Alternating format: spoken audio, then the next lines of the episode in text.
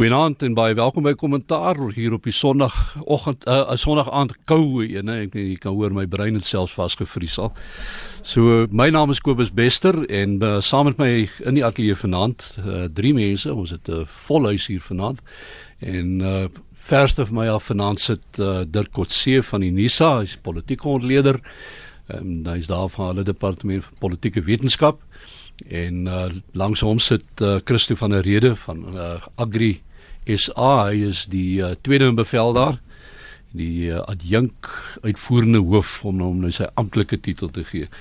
En dan het ons vir uh Paulie van Wyk en uh Paulie is van uh Scorpio en dit is die amptelike uh ondersoekende journalistieke arm van uh uh Daily Maverick, nee.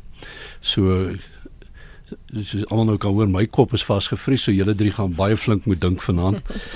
en uh, dit gaan nie moeilik wees nie dink ek want daar's een storie dink ek wat hierdie week eintlik die nuus in 'n groot mate oorheers het en dit is wat iemand na verwys het in 'n stadium as die grootste bankroof in die geskiedenis van hierdie land.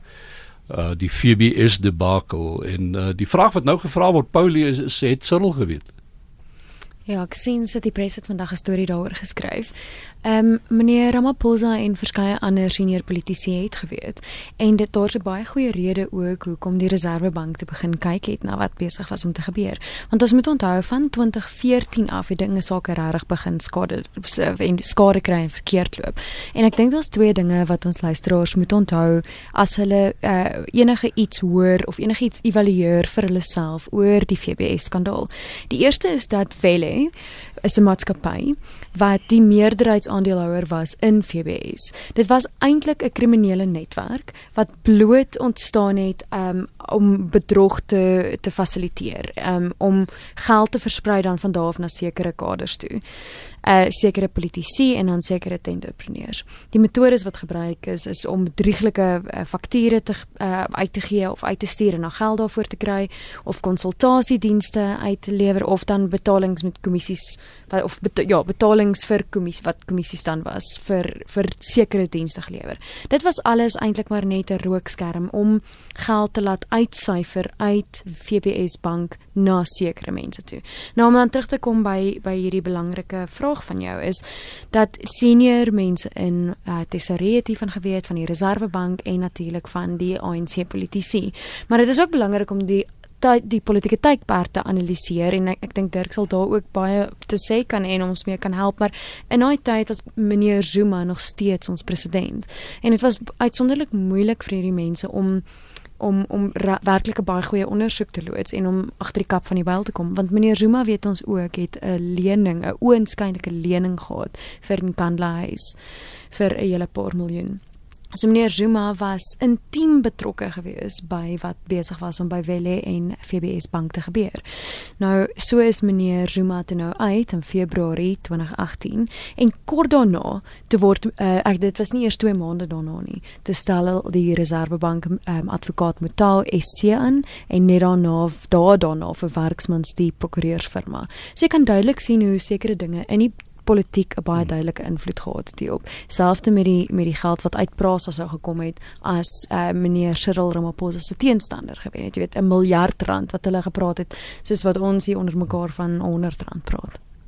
Maar Dirk, ehm um, daar is diegene wat sê dat uh, as uh, meneer Ramaphosa en van die ander mense destyds ehm uh, sou probeer het om iets hieroor te doen dan se kans baie goed nommer 1 dat uh, ehm um, vrou Dlamini Zuma vandag ons president sou gewees het en uh, hierdie saak sou eenvoudig net onder die mat ingeveeg gewees het.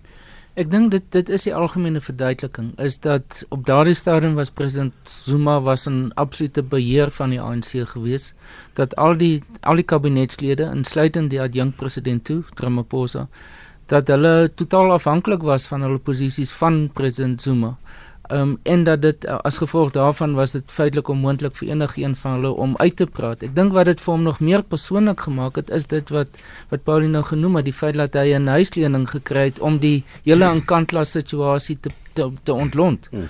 Want uh, ek dink as mens terugdink kan daai tyd het was dit nie sy eerste opsie nie. Hy het 'n bietjie na ander banke toe gegaan en almal het geweier om vir hom 'n huislening te gee. So dit was uiteindelik 'n belangrike uitkomskans vir hom gewees is hierdie bank en ek dink dis waar die meeste mense ook die eerste keer van hierdie bank gehoor het al ja. kom dit uit die mm. tuis tuisland bedeling uit ehm um, het die meeste van ons eintlik nie werklik geweet van hierdie bank nie. Mm. So ek dink dit is ook die die ehm um, soos in Engels sê die unintended consequence dat dit het die bank ook in die openbaar gebring en in 'n groot mate waarskynlik hierdie netwerk begin ontbloot. En baie so, kort daarna het dit al uh, rigbaar geword dat hierdie bank geslaan die moeilikheid. Ek ja. Dus Ja, en en en ek dink wat wat dit nog natuurlik vir president Ramaphosa nou president Ramaphosa moeilik maak is dat dis sy tuiste, dis waarvan hy kom. Net dis waarvan hy mm. oorsprong waar hy gebore is en waar hy vandaan kom. So ek dink hy't uit ander teenstrydighede gehad wat van mense wat hy waarskynlik persoonlik geken het, um wat by hierdie saake betrokke is. Um wat dit vir hom op daardie stadium moeilik gemaak het want hy was klaar besig op toe met sy verkiesingsveldtog om uiteindelik aan die einde van verlede jaar Desember om gekies te word. So dit dink ek is die politieke komplikasies wat definitief in aanmerking geneem moet word. Christo, een van die goed wat vir my opval met die dekking van hierdie storie is uh, van die koerante het vandag dit nou weer op die voorblad gehad en dit beklemtoon.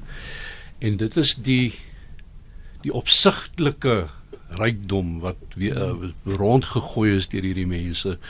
Die duur motorkarre, enigiets van 'n Rolls-Royce tot 'n Lamborghini en uh jy weet en vliegtye en en en 'n mens verstom jou dat dit sê eintlik iets en ek weet nie wat nie, maar die, oor die kultuur wat in ons land ontwikkel het van van hierdie hierdie opsigtelike rykdom en die die my beurt om te eet amper nê. Nee. Dis Kyk hierdie ouens het letterlik en figuurlik hoog gevlieg. Hulle het hulle helikopters aangekoop. nee, mense staan verstom. Jy ek lees die koerante. Ek het nou vanmiddag deur hy verslag gegaan. Ek het probeer kyk na historiese konteks. Waarvan nou kom hierdie bank? Hierdie bank is al in 1982 gestig. So dit het uh, nogal 'n baie belangrike rol gespeel in terme van swart ekonomiese bemagtiging oor 'n baie lang uh, periode totdat dit nou 'n banklisensie gekry het. Ek dink hier iewers waar in die 2000s rond. Mm. Dit kon in uh, 20 uh, 17 18 kon dit nie eens 'n finansiële verslag uitbring nie. Want uh, toe het die hele jy weet dit al van 'n perfekte storm ontaard.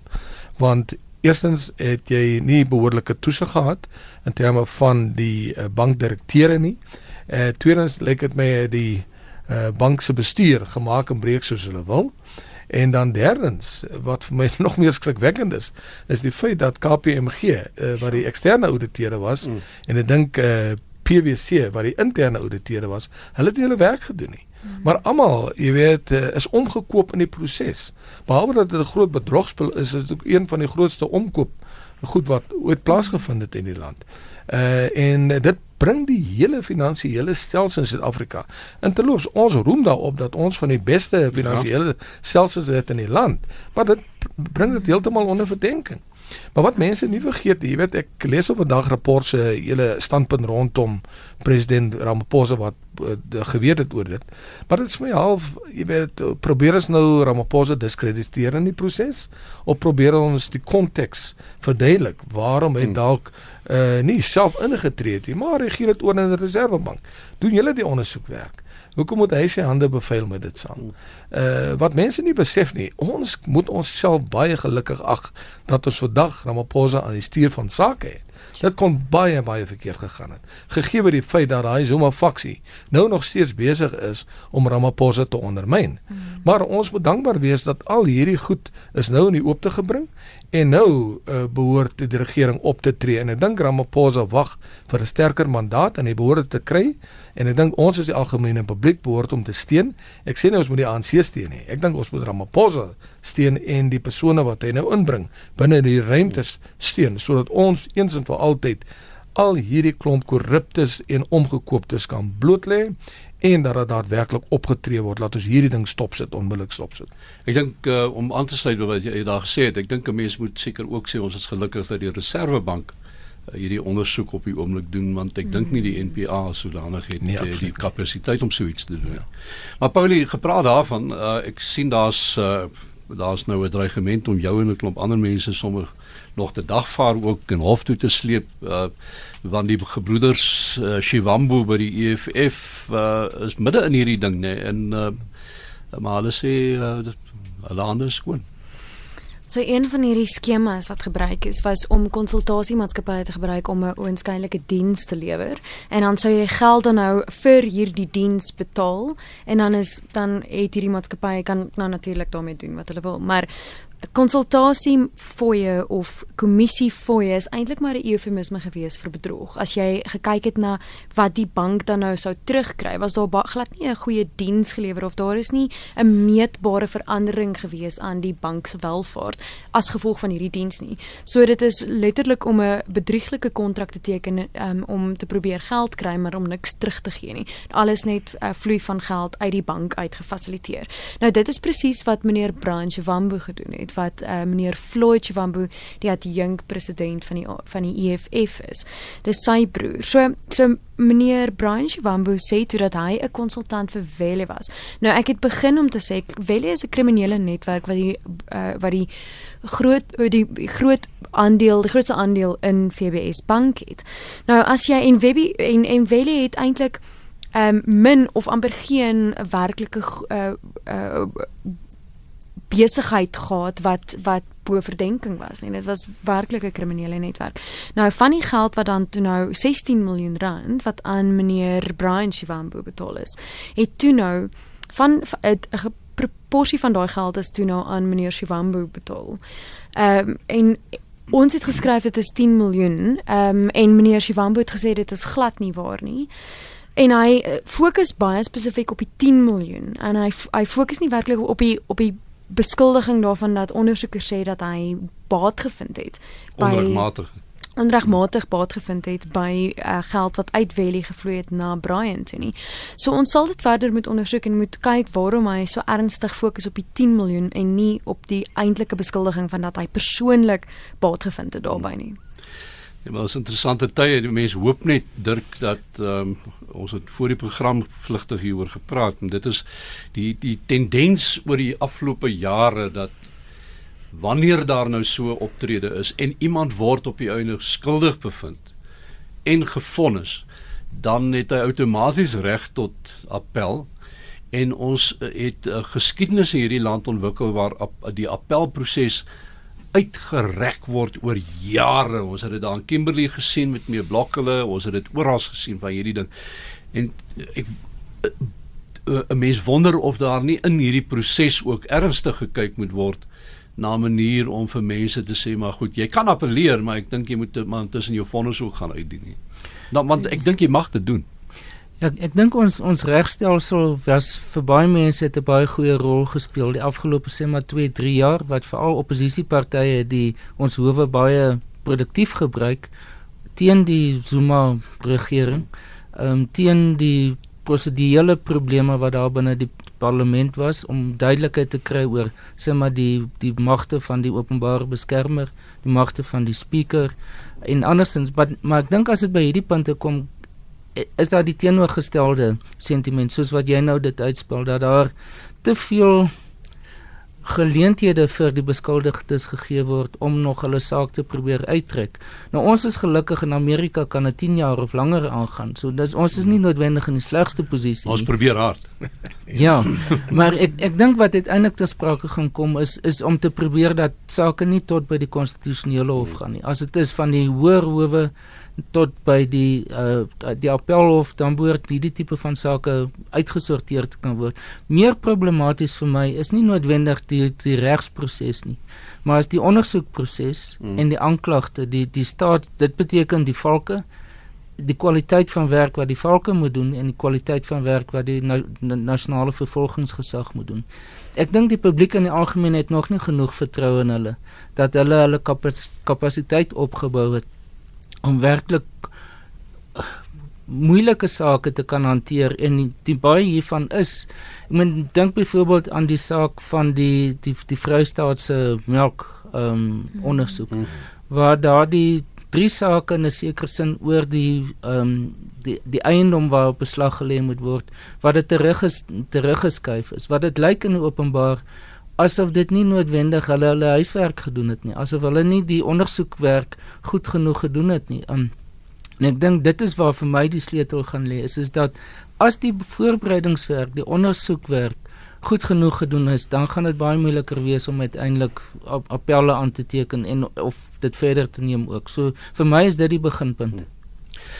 Nou 'n ander gebeurtenis hierdie week, ehm um, die minister van finansies het vertrek en ons het 'n nuwe een en uh, meneer Nene is weg en skielik is Tito Mboweni weer 'n faktor in die politiek in hierdie land en 'n uh, uh, uh, interessante skuif. Christo Ja nee, uh, ons is eintlik maar baie dankbaar dat uh, hmm. Tito Mboweni aangestel is. Kyk, hy het uh, bewese ervaring uh veral gegee sy agtergrond in die Reservebank. So hy verstaan hoe werk 'n monetêre beleid. Uh dan dink ek het hy ook uh, redelike ervaring binne rentes waar fiskale beleid moet toegepas word. Sy groot rol is eerstens om te help om hierdie ekonomie te stabiliseer, maar meer nog om self of vertroue te bou binne in die stelsel. Ons sien dat Moody's het op hierdie stadium eers 'n jy weet 'n terugsit of 'n wag en sien houding ingeneem wat eintlik baie goed is want as Moody's ons moet afgradeer na rommel status toe, dan is hierdie land in groot moeilik. Dit beteken ons ehm uh, jy weet ons aansien in die wêreld uh verlaag onmiddellik en niemand het maar verdere vertroue in enige van die regering se effekte of wat ook al nie. Ehm um, ek dink Tito moet hom nou so gou as moontlik omring met topspesialiste.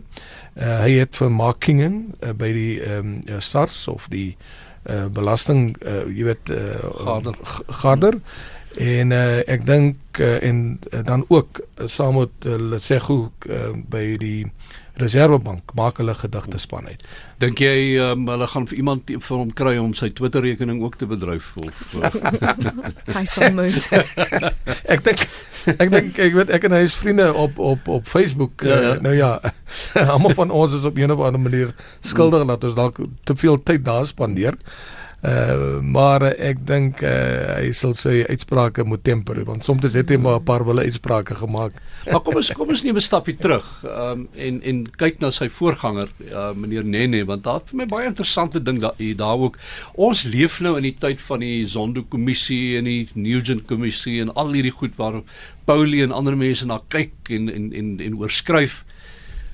En hier kom meneer Nene en ons buig agteroor baie mense buig agteroor mense wat jy die dit die minste van sou verwag buig agteroor om meneer Nenny half te verontskuldig en te sê hy was eintlik 'n eerbare ou wat nou hy het nou maar op sy swaard geval ten kos jy weet in Swane dis 'n baie edel ding wat soos die Britte dit doen.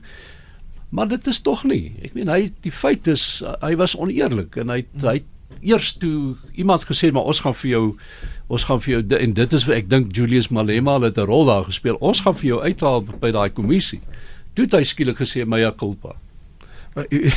Kobus Jy weet ons is almal so desperaat in Nederland. Ons almal soek na engels, mm. uh, o engele. En al is dit ook engele met gebreekte vlerke, dit bly nog steeds 'n engel. Mm.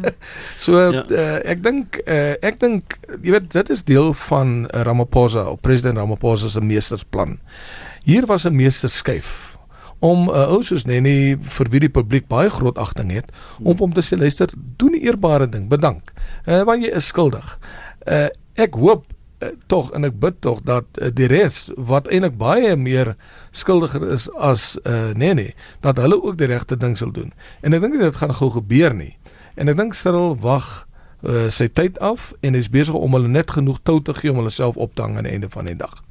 Hoeveel nennies gaan daar nog wees dink julle? As ons nou kyk na die ouens in die kabinet want daar ek meen daar's ja, Paulie, ek meen daar's 'n hele paar ouens wat nog half in die in die in die skadu sit daar en so aan en nog nie heeltemal na vore gekom het nie.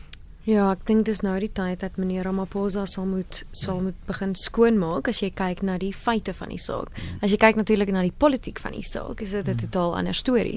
Maar die feite van die saak wys reeds vir ons dat Patabile Dlamini wat in die presidentskap en in die hoof van vroue sake is, ehm um, het is uitgevang van dat sy die hof mislei het en letterlik gelieg het voor die hof. Dit is 'n intedeel straf, dit is 'n misdaad.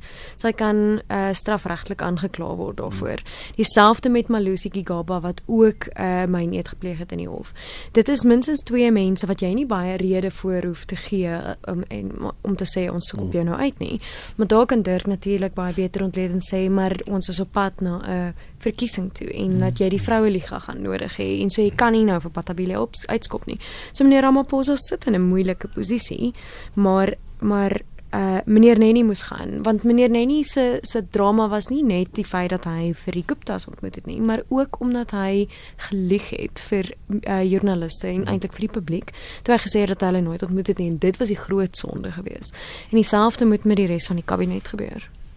Wat ons het tog duidelik gesien en uh, meneer Jonas het byvoorbeeld destyds um, hy hy was ook by die huis maar hy het onmiddellik daarna vir Pravin Gordhan laat weet. Mm. dis wat die ouens wou gehad het en dis wat hulle voorgestel het. So hy die hy het 'n goeie voorbeeld gestel daar. Absoluut. En dis die ongeluk van meneer Nenny. Hy het want meneer Nenny was die adjunk minister van finansies.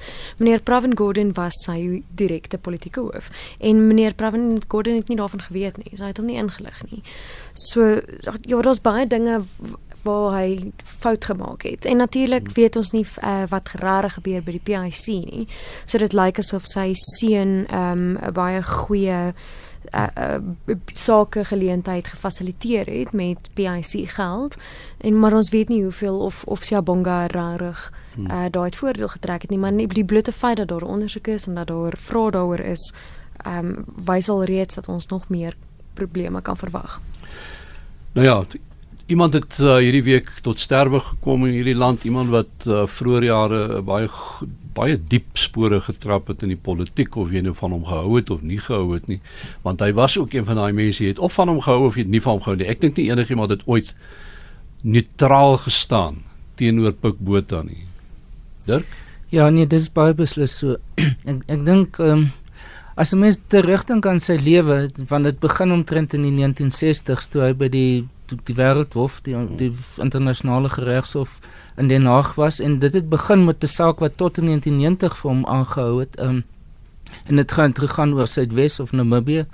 Um en hy van na my mening was dit eintlik waarskynlik sy grootste taak of saak gewees waar waarby hy betrokke was. Hmm. En baie mense gee nou deesdae aandag aan sy rol by die onderhandelings. Ek dink dit word 'n bietjie oorspeel dat hy nie definitief so betrokke was by die onderhandelings nie, maar wat hy wel gedoen het as as ambassadeur by die VN um en terwyl net nadat hy ook minister geword het is van sy uitsprake wat hy gemaak het wat definitief binne die nasionale party konteks as verlig of selfs oorbelig gesien is oor byvoorbeeld die feit dat hy het gesê hy sal dien onder 'n swart pre president hmm. byvoorbeeld.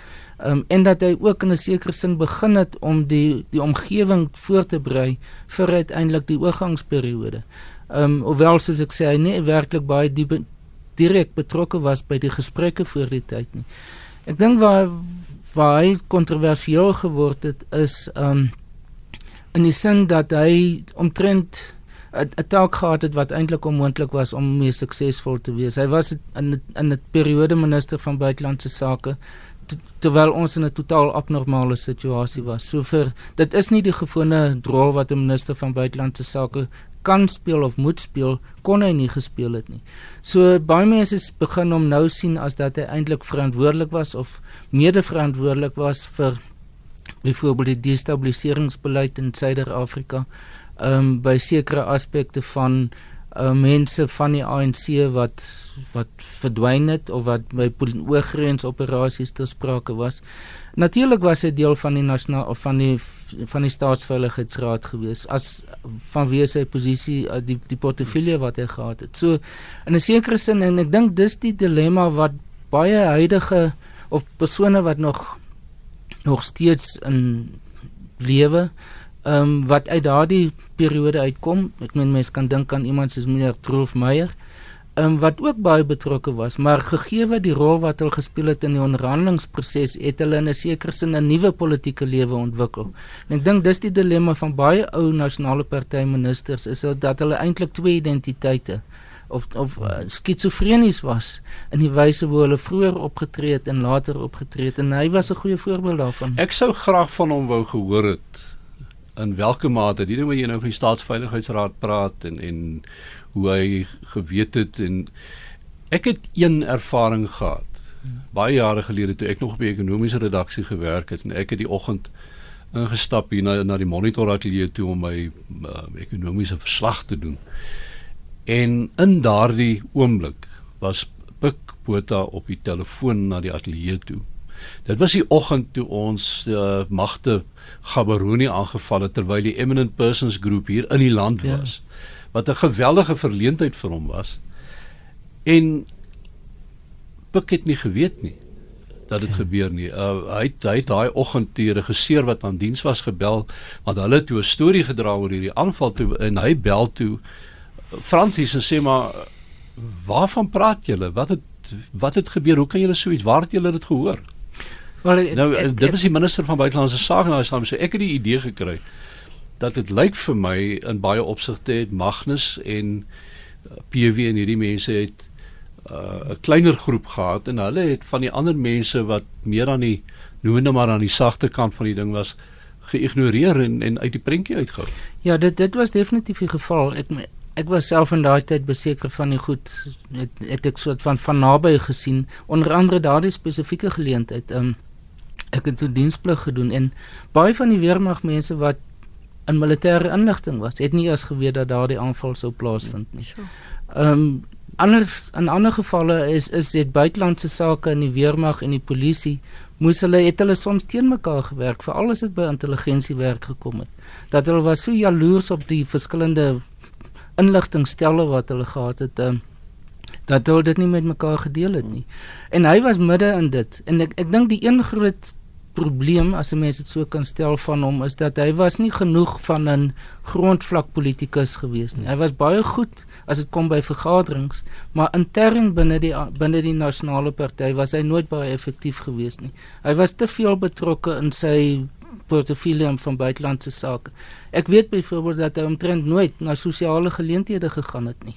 Amptelike hy het sy eie geleenthede mm, gereël, mm. maar hy was 'n totale werkesel geweet. Um Ek kan onthou van geleenthede wat van sy personeel gesê het wat in die Unie gebou gesit het. 3 ure in die nag dan bel hy en vra het, het die faks waarvoor ek wag het hy het dit al opgedag, nee. So daardie tipe dit was die tipe van persoon wat wat hy was. Hy hy was absoluut gefikseer op sy pos as in sy pos as van buitelandse sake. Ek moet sê 'n mens kan wens dat ons meer sulke ministers nou het, nee. Dis 'n bietjie gefikseer is op hulle portefeuilles. Ehm um, Sunday Times wat ook nou die afgelope tyd in die in die spervuur is en ons het nou later vandag gehoor dat twee van die uh mense wat betrokke was by die hele ding Steven Hofstadter en uh, meneer uh, Afrika uh het uh, se bande is nou gesny met die koerant. Um maar ek moet sê dit was vir my vreemd na al die skade wat uh aangerig is. So ek sê die koerant vandag nou goed, hulle gaan nou ook met groot gebaar. Hulle gaan nou al die prysgeld wat gewen is met daai stories oor die moord uh, bende in Kaito Manor en die Rogue unit by SARS en al hierdie ouens. Hulle gaan die goed nou terug terug betaal en hulle noem dit 'n bold step wat dan nou 'n einde gaan bring aan hierdie hele tragedie. Dit kan tog nie. Ek weet hoeveel mense se se loopbane en en en lewens is verwoes deur hierdie deur hierdie situasie en ek eh, ek wil baie duidelik stel ook vanaand ek ek weet nie ek wil nie joernaliste wat betrokke was by hierdie ding te erg hierso bykom nie want ek dink nie hulle is die enigste ouens wat hier verantwoordelikheid moet aanvaar nie ek meen wat het gebeur met daai koerant dat so iets gebeur het Valerie hm? Maar dit is altyd baie na aan die hart as joernaliste aanjaag iewers. ons is ons het 'n baie moeilike werk. Ehm um, en en dis baie keer 'n ondankbare werk en is iets wat jy sjoe, ek kan vir jou sê hoeveel keer wonder jy of jy jy weet oor oor die werk wat jy doen nie. So dit gesê, ehm um, jy kan ook net soveel keer oor en oor jouself probeer regpraat. So die Sunday Times het omtrent 34 stories geskryf oor die SARS wat hulle gesê die Rogue Unit sage. En dan het hulle 'n hele lot stories geskryf oor die Kaito Manor uh, moordbende en dan ook oor die uitleweringsooreenkomste hmm. met uh, Zimbabwe en dat en en in elkeen van hierdie drie temas was daar die skurke geweest. Dit was in die Kaito Manor was dit uh, generaal Johan Boysen van die Valke en dan was dit natuurlik die uh, dram, meneer Dramat wat die hoof van die Valke was en meneer Sebia generaal Sebia wat in die Gauteng se hoof was in die uitlewerings uitleweringsprobleem en dan in in die inkomste diens was dit meneer Ivan Pillay, Pieter Richard, Johan van Loggerberg en daai klop. En maar as jy gaan kyk na hierdie mense, was dit ook almal natuurlik mense wat in die weg gestaan het van staatskaping. So dis baie duidelik as jy nou die neigings ontbloot en na kyk dat daar groot fout was. En ons het almal dit eers agtergekom na die SARS stories. Ehm um, en en dis goed dat hulle jammer gesê het, maar ek dink nie ek dink nie jy gaan ooit dit kan terugkry wat wat vernietig is nie.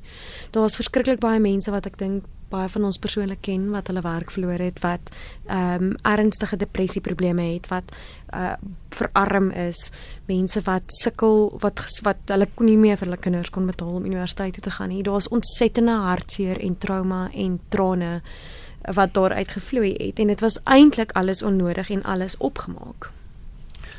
Is daar 'n oplossing hierso Dirk? Ek meen, hoe tree hierdie mense nou want da, da, da, dit gaan nou weer 'n lang gesleep van hofsaake seker wees voordat enigiemand kompensasie kry.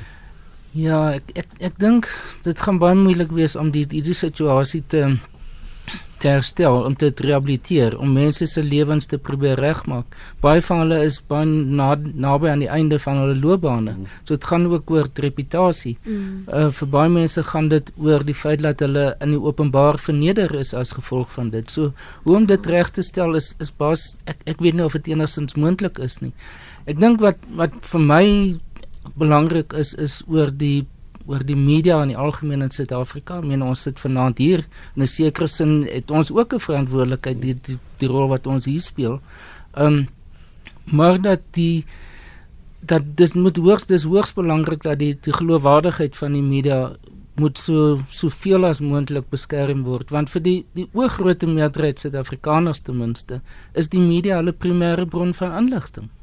Um, hulle het nie toegang tot die ander forme van inligting nie. So dit wat mense dink en op grond waarvan hulle optree volgende as 'n verkiesing is op pad word in 'n groot mate bepaal deur wat wat hulle uit die media uitkry. So dis hoekom ek dink dit is hoogs belangrik dat die geloofwaardigheid van die media of dit nou die SAK is of dit die gedrukte media is ehm um, of dit die of die die sosiale media is dis dis hoogs belangrik daarvoor en ek dink wat nou gebeur is dit stel nie noodwendig dit dit reg nie, maar ek dink die feit dat die Sunday Times nou twee keer ehm um, op eintlik bieg as 'n mens dit so kan stel deur te sê ons het gefouteer. Ehm um, verdagsin was gekwalifiseer in sommige gevalle, maar nog steeds. En ek dink dit op sigself is belangrik dat dit nie gesê word wel dis dis 'n paar individue wat foute gemaak het nie. Die koerant self het verantwoordelikheid geneem daarvoor. Maar dan wag daar nog 'n ander man met die naam van Paul O'Sullivan. Hy het blykbaar hierdie vroeër hierdie week gesê hy sal nou eers as sy hofsaak teen die Sunday Times terughou om te sien wat doen hulle om sake reg te stel. Ehm uh, en uh, nou is dit maar seker my my eie journalistieke agtergrond wat vir my swaar vol gemaklik maak met uh, die situasie dat uh, waar hou dit op? Waar is dit uh aktivisme en en en opstaan vir reg? En wanneer begin ons kom by 'n ding waar ons praat van media manipulering en uh die vryheid van spraak aantas en so aan. Dit is vir my 'n baie moeilike een hierdie. Christo, het jy gekyk aan dit? Uh Kobus, ek dink die belangrike ding is dat en ek spesifiek wil ek uh, die tema wat prof aangeraak het rondom geloofwaardigheid. Daar is so 'n dringende noodsaaklikheid vir die herstel van geloofwaardigheid. Ons het vroeër gepraat van ons finansiële stelsel, die geloofwaardigheidskrisis waarin hulle hulle self bevind. Uh, ons praat nog van die Sunday Times, die geweldige geloofwaardigheidskrisis binne die journalistieke omgewing in die gedrukte media. Uh en dan ook uh jy weet by publieke instellings en selfs organisasies soos Agri SA, soos enige ander organisasie. Jy weet ons groot taak is om nie verder uh die hele uh, ding van geloofwaardigheid te ondermyn in Suid-Afrika nie. Ons taak is om met die feite om te gaan. En stel die feite, maar stel die feite altyd in belang van Suid-Afrika en al sy mense. Die oomblik ons, jy weet, op een of ander wyse, jy weet, 'n eng belange wil bevorder, uh jy weet dan dan loop ons die gevaar dat ons toenemend ons eie geloofwaardigheid in gedrang bring. So ek dink ek dink Suid-Afrika uh en al sy mense en al sy instellings ons sal by 'n punt moet uitkom waar ons hierdie ding van geloofwaardigheid onder die loop moet plaas en vir onsself moet vra wat is die boustene wat ons in plek moet sit om daai geloofwaardigheid te bou en in stand te hou. Maar Paul Sullivan het, het sekerlik rede om om 'n grief te hê oor manier waarop hy al behandel is die afgelope tyd ensovoorts. Wat my bekommer is uh, hy hy hy hy verf met 'n vreeslike breë kwas. So toe hy nou uitvaar teen die media, toe trek hy sommer Sanef vir die uh, hmm. die editors forum by en hy trek uh, vir Jacques Pau by en hy trek vir allerlei mense. Weet jy nie jou ook dalk nog by getrek nie, uh, jy weet maar. so Kyk meneer Sullivan, meneer Sullivan, moet jy ook ook verstaan is lief vir die media aandag. So dit is nie iets wat ons uit die oog uit moet mm. verloor nie. Hy is lief daarvoor om sy eie beeld te blaas. Hy hou daarvan om sy stem so hard as moontlik uit te basyn. So dis daar's 'n sekere konteks waarna ons ook hier moet kyk. En dit is aan die een kant is dit sekerlik goed dat hy vir Sunday Times gesê het luister, is nou ons trek nou die streep in die grond. Ehm um, Maar maar daar's ook 'n stadium waarin hy kort gevat moet word want hy self is hy nie altyd so vreeslik skoon as wat hy wil probeer uh voorgee dat hy is nie. Maar aan die ander kant as jy nie skuldig is nie as 'n joernalis en as jy nie oortree het nie en as jy gedoen het wat jy moes, jy het nie foute gemaak nie, dan gaan jy nie bekommerd wees nie. Jy gaan nie omgee as iemand jou hof toe neem nie en jy gaan hulle intedeel uitnooi om jou hof toe te neem. So ek dink ehm um, ek dis dis 'n moeilike balans en daar dis nodig dat daar altyd goeie spanning moet wees want ons moet mekaar ehm um, uh, ons moet mekaar op die regte pad hou en ek glo ook nie dat ons die die mense van Suid-Afrika te veel moet bevraagteken as hulle joernaliste bevraagteken nie. Die mense van Suid-Afrika moet joernaliste bevraagteken. Hulle moet uh, kan vra vra en hulle moet antwoorde kry op hulle vrae. Hulle is geregtig daartoe.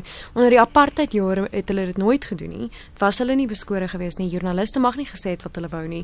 En dis al hoe jy 'n behoorlike demokrasie gaan laat kry om te werk is dat ons vir die mense sê hierdie is wat ons vir julle kan bewys en hierdie is wat ons het en uh, jy moet die publiek se vrae kan antwoord. As jy dit nie kan doen nie, is jy in die moeilikheid. Ek begin al uh, uh, uh, meer voel die afgelope tyd dat dalk het jy een van 'n vorm van 'n kodessa nodig vir hierdie die the fourth estate soos die uh, mense na hom verwys die die journalistieke saam want ek vind onder gewone Suid-Afrikaners wat nie regstreeks by uh, die journalistiek betrokke is nie daar's 'n geweldige wantroue en en die maar die wantroue die persepsies berus baie keer op op op die verkeerde persepsies uh, omdat hulle nie die die bedryf verstaan nie. Mm -hmm.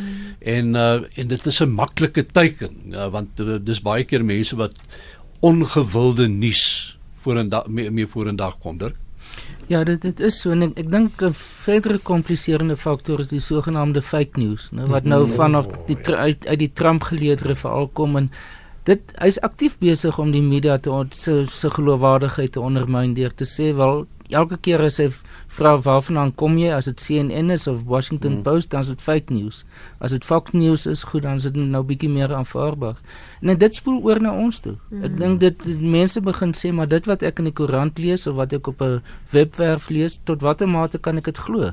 Ehm um, is daar ander ehm um, soort van finansiële belange of watse tipe belange ook al te sprake wat hierdie die die standpunt wat hier gestel word wat dit probeer bevorder daardeur. En ek, en ek dink dit is waar waar daar ek meen die openbare uitsaaier waar ons nou vanaand is dis dis die groot belangrike verantwoordelikheid is om te sê ons is ten minste nie noodwendig afhanklik van finansiële inkomste nie. Ek dink nie dis die waarheid nie maar dis die veronderstel om so te wees.